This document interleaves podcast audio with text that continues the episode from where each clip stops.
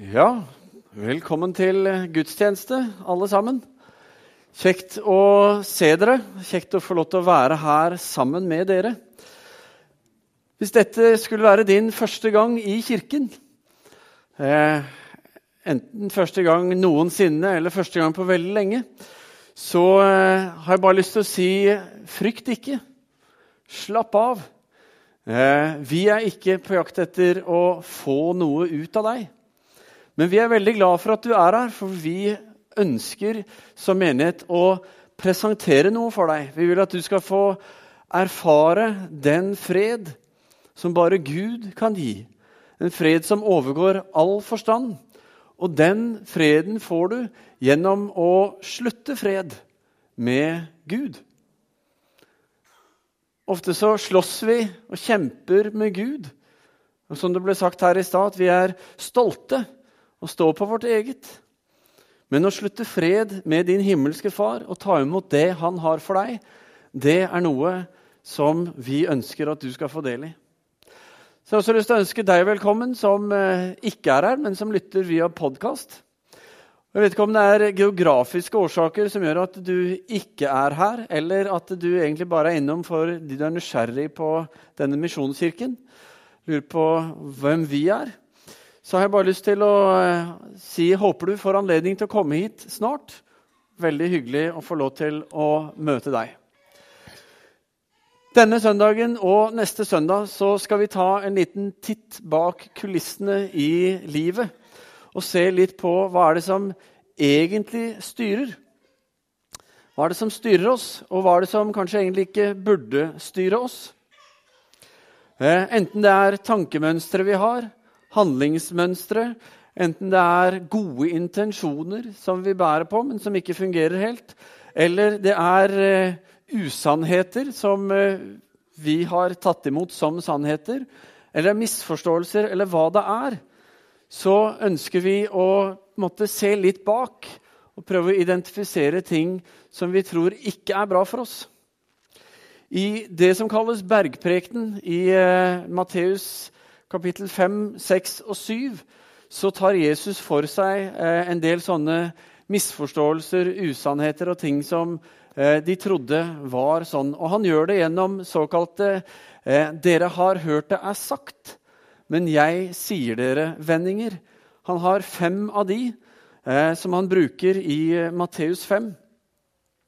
Og gjennom eh, disse vendingene her så lanserer han en ganske ny og radikal forståelse for de tingene som eh, jødene eh, den gangen trodde, og som de hadde lært og fått med seg. F.eks. i den første av disse skal vi lese den sammen, så sier han dere har hørt det er sagt til forfedrene, du skal ikke slå i hjel. Den som slår i hjel, skal være skyldig for domstolen. Det hadde de lært. Men jeg sier dere, sier Jesus. Den som blir sint på sin bror, skal være skyldig for domstolen. Og den som sier til sin bror, 'Din idiot', skal være skyldig for det høye råd. Og den som sier 'din ugudelige narr', eller som vi kanskje ville sagt det mer på vårt språk, eller som vi kanskje kan høre rundt altså eh, 'Din forbanna dust'. Det var sterke ord. Men det er egentlig det som Jesus selv sier her. Altså ugudelig, eller det å være forbannet, det å være vekk fra Gud. Den som sier det, skal være skyldig til helvetes ild. Og det er ganske sterk kost. Så det at du ikke skal slå i hjel, rommer ganske mye mer. Og er egentlig ganske mye strengere enn det man trodde. Og, dette, og sånn går Jesus gjennom flere ting i møte med eh, menneskene i, på hans tid. Vi mennesker vi er flinke til å konkludere. Men det er faktisk sånn at det er langt fra alle av våre konklusjoner som er rette. Langt fra alle som er gode. Selv om de tilsynelatende kan passe utmerket for oss der og da. Jeg tror mange av våre konklusjoner Og jeg sier dette kanskje fordi jeg kjenner meg selv best, og så kjenner jeg meg igjen i andre. Jeg tror mange av våre konklusjoner først og fremst handler om å beskytte vår egen komfort, sånn vi vil at det skal være. At det beskytter vår latskap og vår manglende evne til å forstå og vår manglende kunnskap. Det er så stress, hører jeg ofte, å kjenne på selv. Så stress, liksom, å skulle gjøre dette. Våre konklusjoner er ikke alltid gode. Og det er dette Jesus prøver å si noe om. At sånn du tror det er, sånn er det egentlig ikke. Det du har konkludert med, er ikke hele sannheten. Og så gjør han det gjennom eh, bl.a. disse 'dere har hørt er sagt'-vendingene. Og Vi skal ikke ta for oss disse vendingene spesielt i dag, men denne tankegangen at du og jeg sitter inne med noe som vi tror er sant og bra, men som ikke er det. At det er noe annet som Jesus egentlig ønsker å formidle til oss, er det vi skal gjøre. Og Så skal vi lese de fire versene som er rett før de vi nettopp leste. Så vi er altså fremdeles i Matteus 15, men skal lese altså 17 og 20. Vi hørte det innledningsvis, men nå får vi det på veggen og leser det på ny her. Tro ikke at jeg har kommet for å oppheve loven eller profetene. Jeg har ikke kommet for å oppheve, men for å oppfylle. Sannelig, jeg sier dere, før himmel og jord forgår, skal ikke den minste bokstav eller den eneste prikk i loven forgå før alt er skjedd. Den som opphever et eneste av disse minste budene og lærer menneskene å gjøre dette, skal regnes som den minste i himmelriket.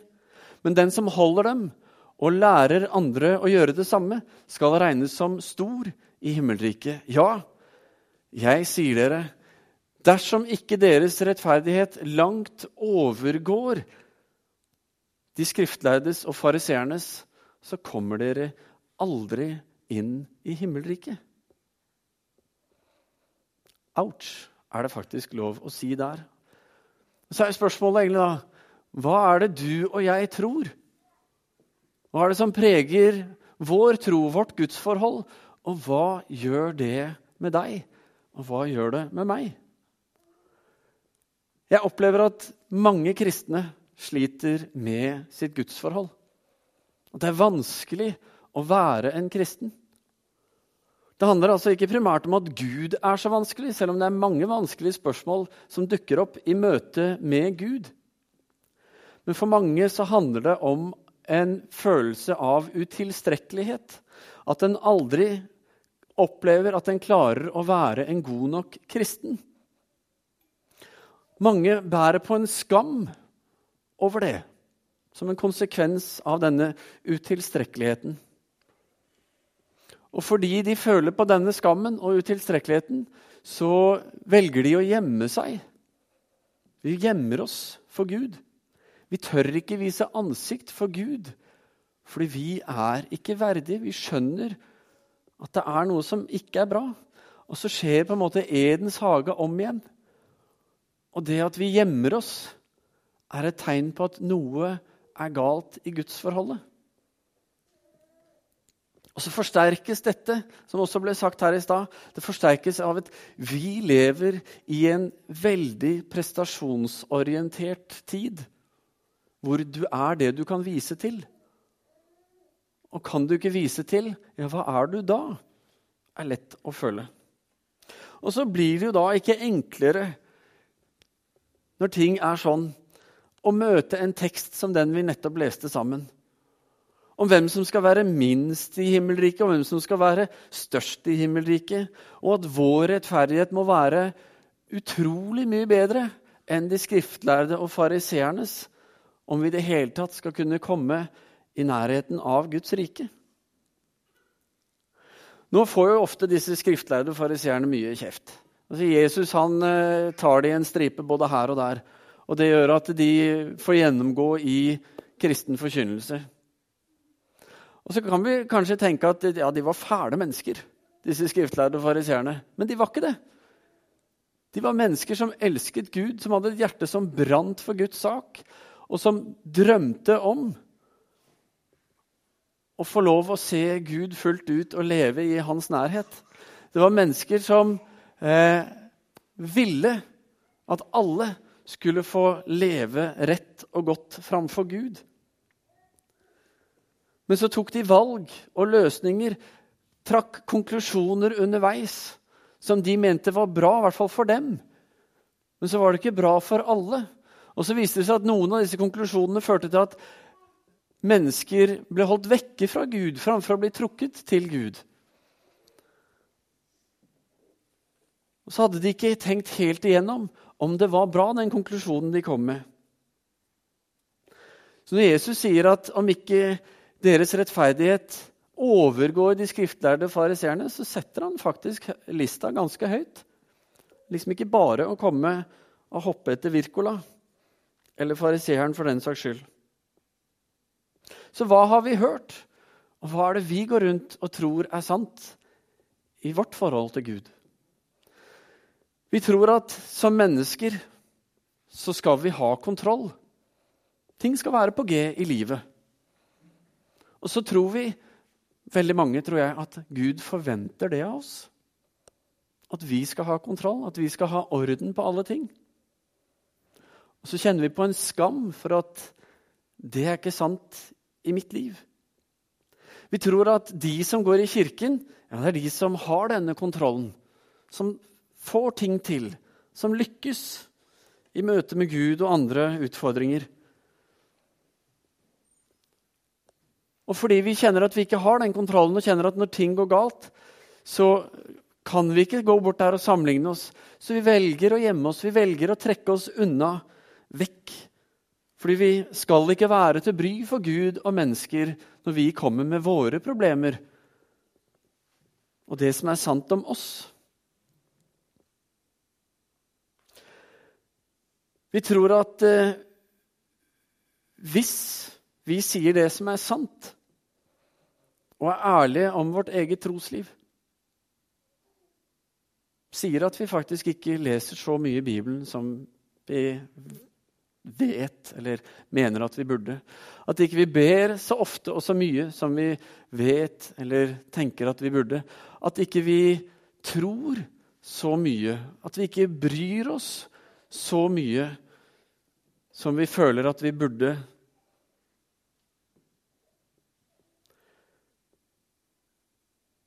Så kommer Gud og mennesker til å bli sjokkert og skuffa over oss. Og Oppi dette vanskelige så tror vi at det er best at vi tar ansvar for vår egen skjebne i ting. Fordi Gud er jo ikke noe flink til å lytte. Han svarer jo ikke de gangene vi ber. Og så tror vi at hvis Gud er kjærlighet, så må han gjøre det vi ber om. Han må helbrede. Han må redde ekteskapet mitt. Han må gi meg den jobben.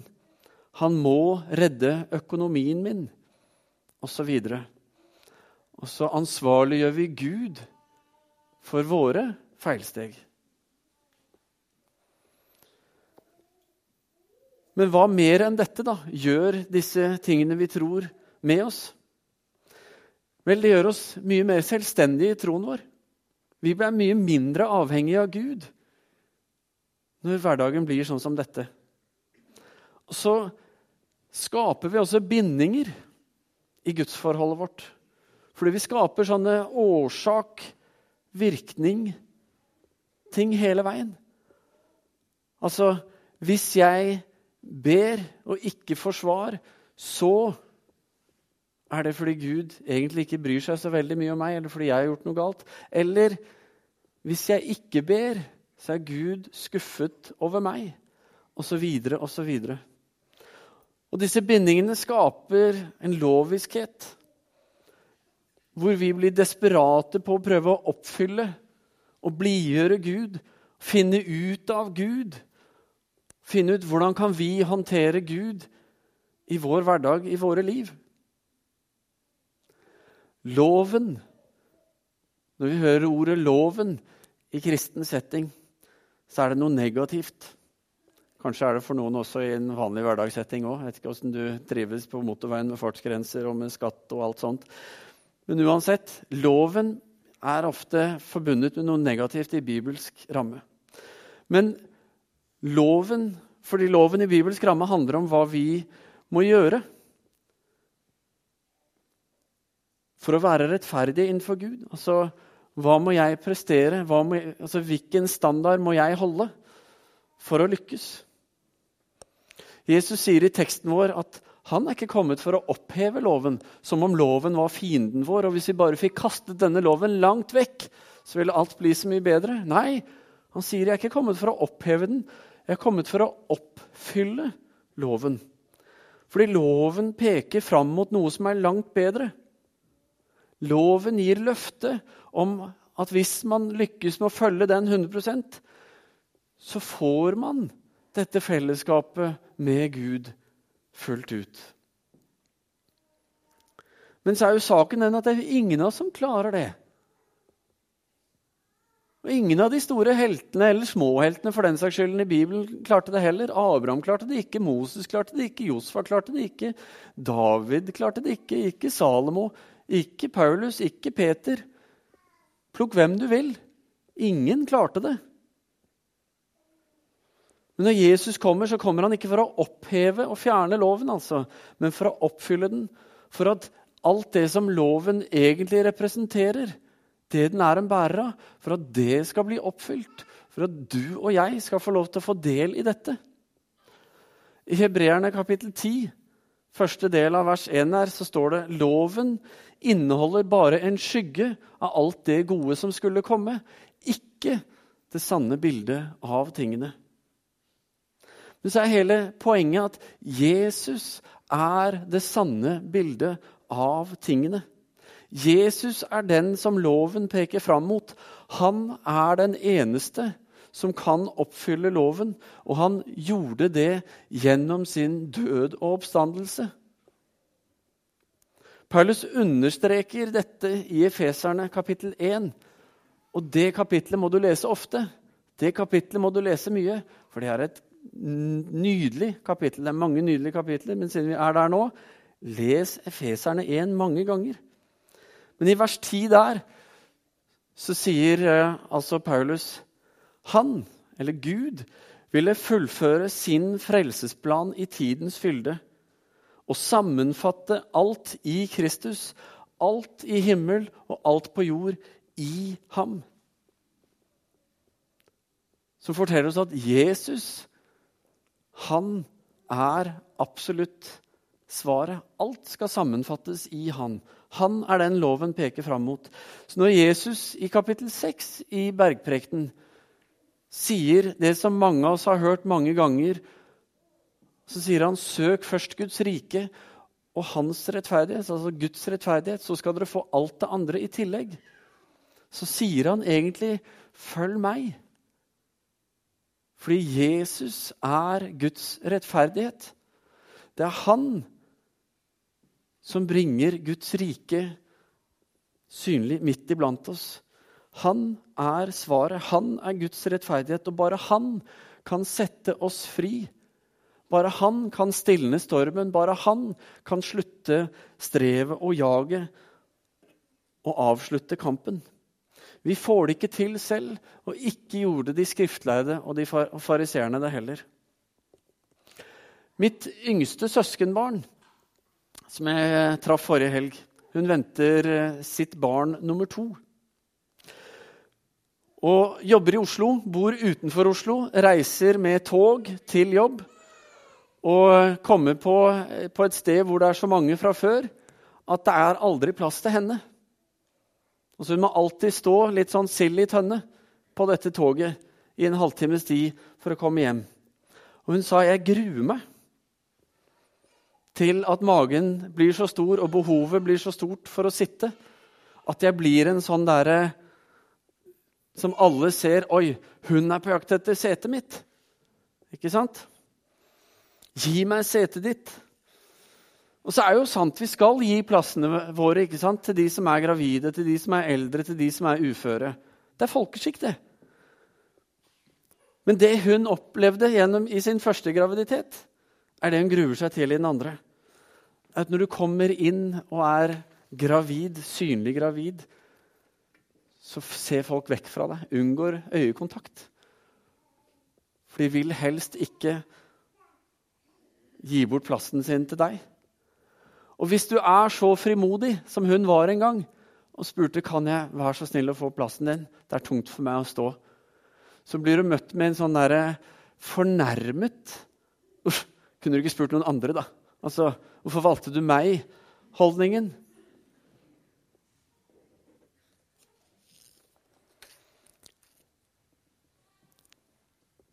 Håkon, kan du gi meg den stolen som er ledig ved siden av deg?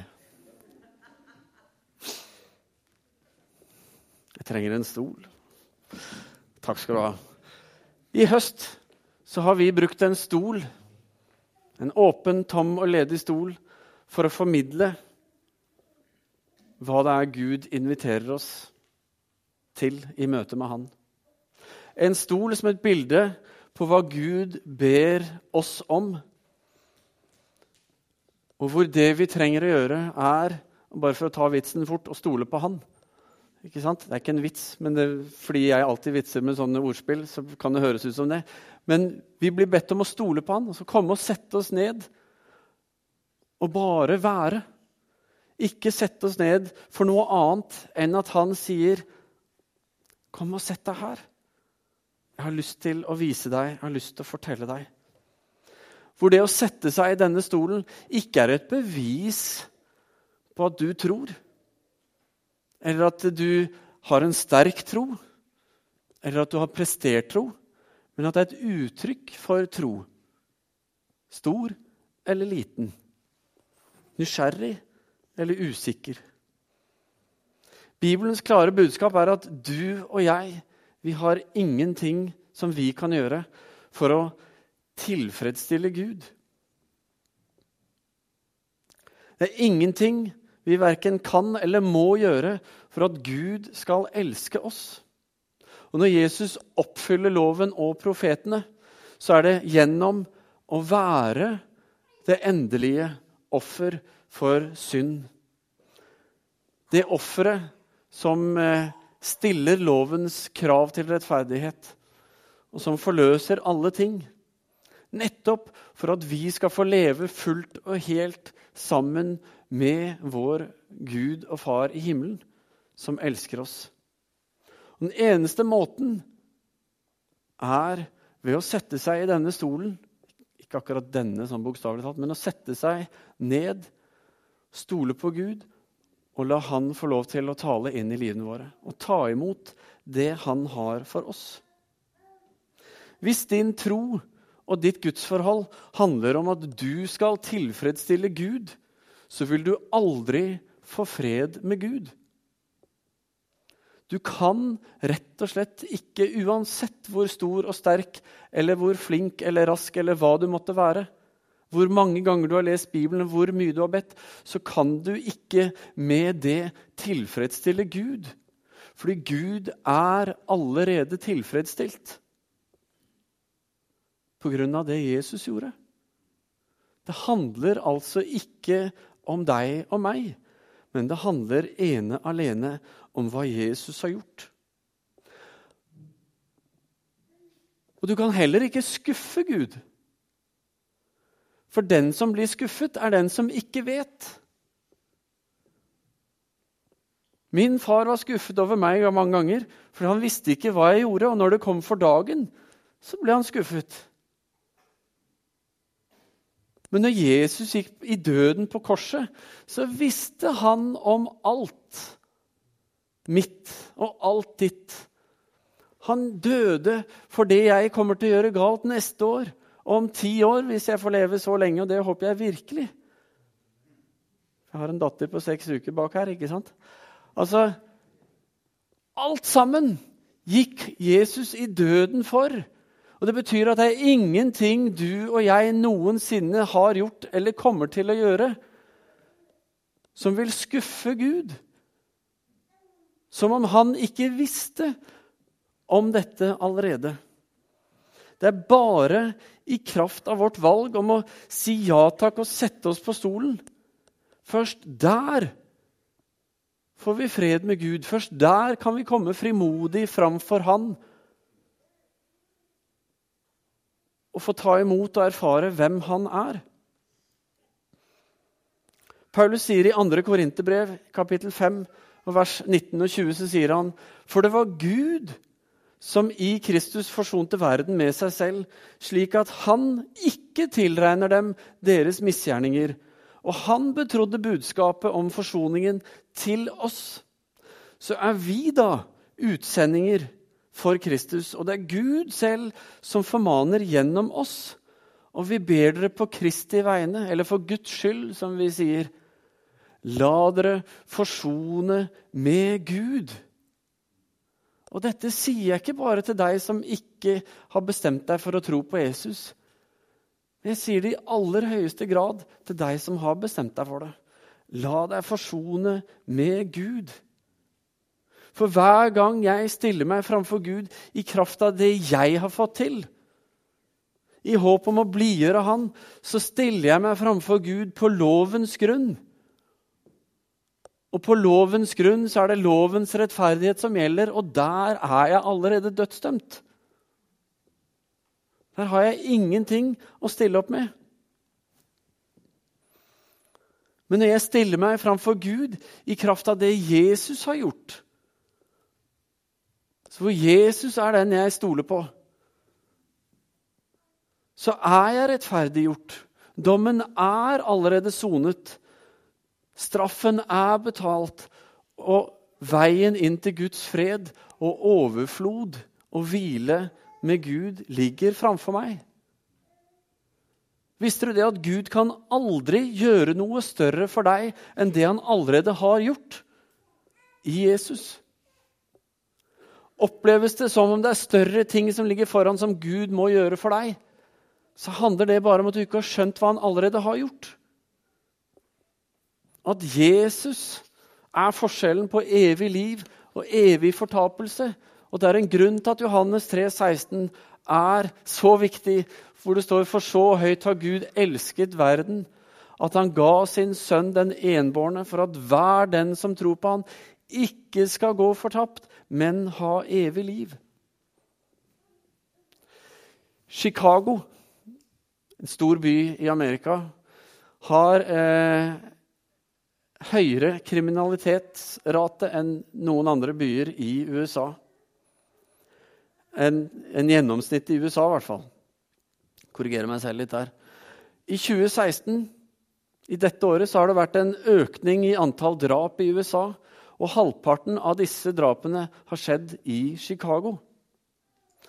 Pastor John Hannah, som er pastor i en menighet som heter New Life Covenant Church, har menigheten sin liggende midt i et av disse verste nabolagene, hvor det ofte plutselig bare dukker opp gjengopprør i de gatene man ønsket var trygge for barna sine, familiene sine. Og ofte så blir også tenåringer, barn, ofre for disse oppgjørene og havner i kryssilden og dør. Stavanger Gospel Company, flere fra vår menighet er med der. Men de var på besøk hos eh, pastor Hannah og menigheten hans, og kom der like etter at et av barna i menigheten, en gutt på tolv år, hadde havnet i denne kryssilden fordi det ikke var trygt å leke ute. De lever i en stor fattigdom i denne delen av Chicago. Og det er en ekte desperasjon, langt større enn det vi har fått føle på blant folk i menigheten. Men allikevel så er meldingen fra pastor John Hannah som følger. Han er tydelig. Han sier, 'Hvordan våger du?' Vi snakker om universets skaper her, sier han. Du trenger å legge deg flat med ansiktet ned og takke han for alt han har gjort for deg. Han døde for at du skulle få leve.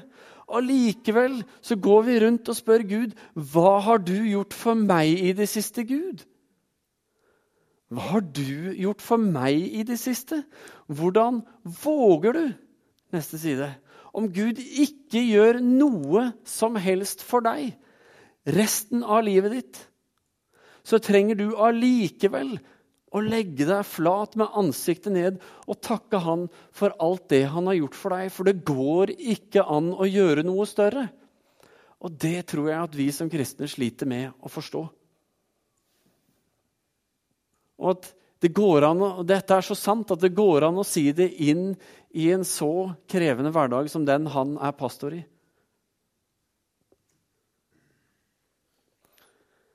Jesus har overvunnet døden. Din død. Han har sonet den, og så inviterer han deg til å sitte ned med han og få del i alt det som forløses, nå som loven og profetene er oppfylt. Så er spørsmålet hvor står du?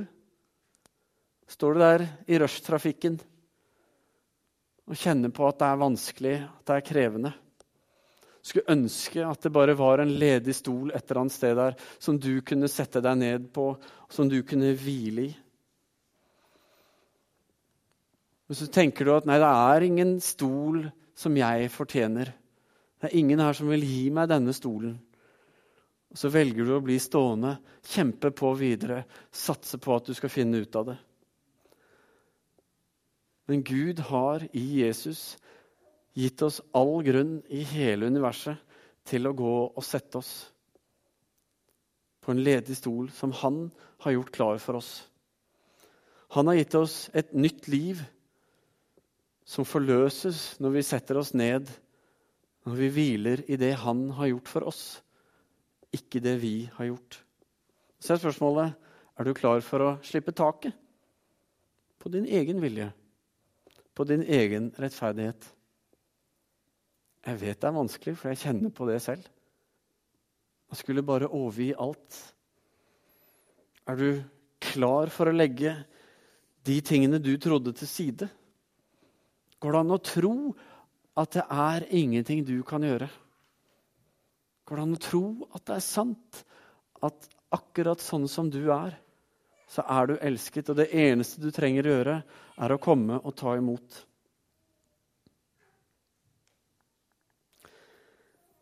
Johannes' åpenbaring, kapittel 3, vers 20, så sier Jesus, Se, jeg står for døren og banker din dør. Om noen hører min røst og åpner døren, så vil jeg gå inn til han og holde måltid, jeg med han og han med meg.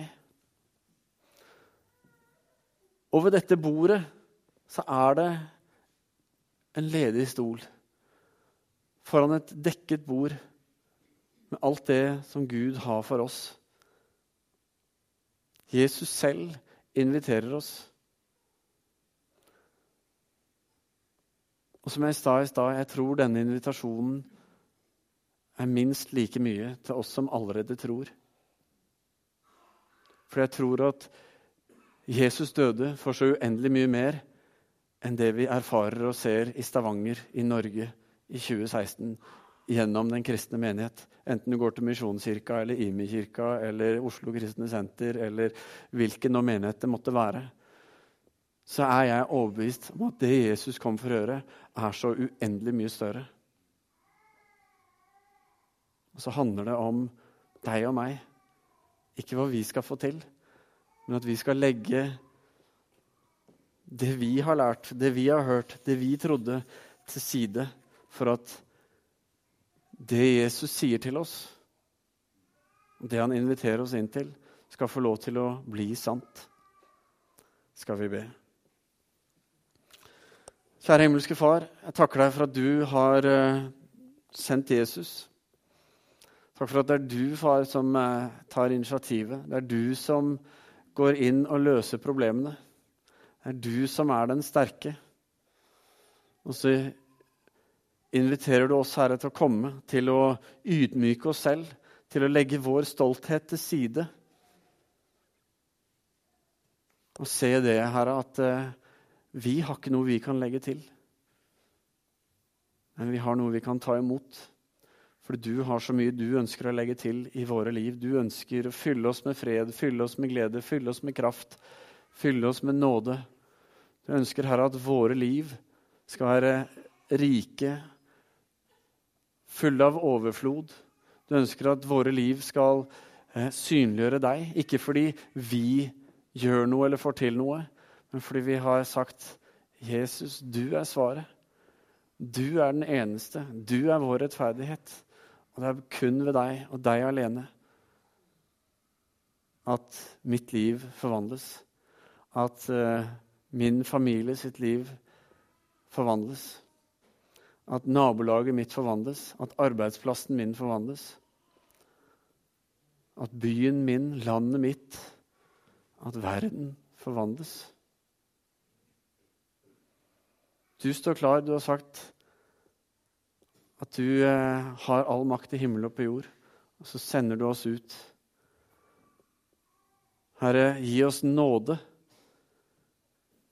i vårt eget indre til å legge vårt eget til side. Om ikke vi forstår alt, Herre, så la oss i hvert fall forstå Herre, at vi trenger deg. At du er veien. Du er sannheten. Du er livet.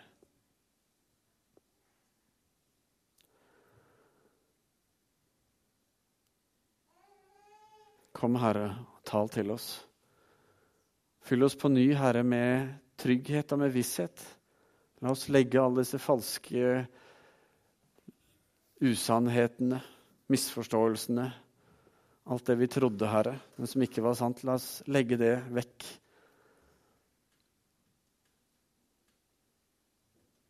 Kom og vis oss. Kom og led oss, Herre. Ber vi Herre Jesu navn. Amen.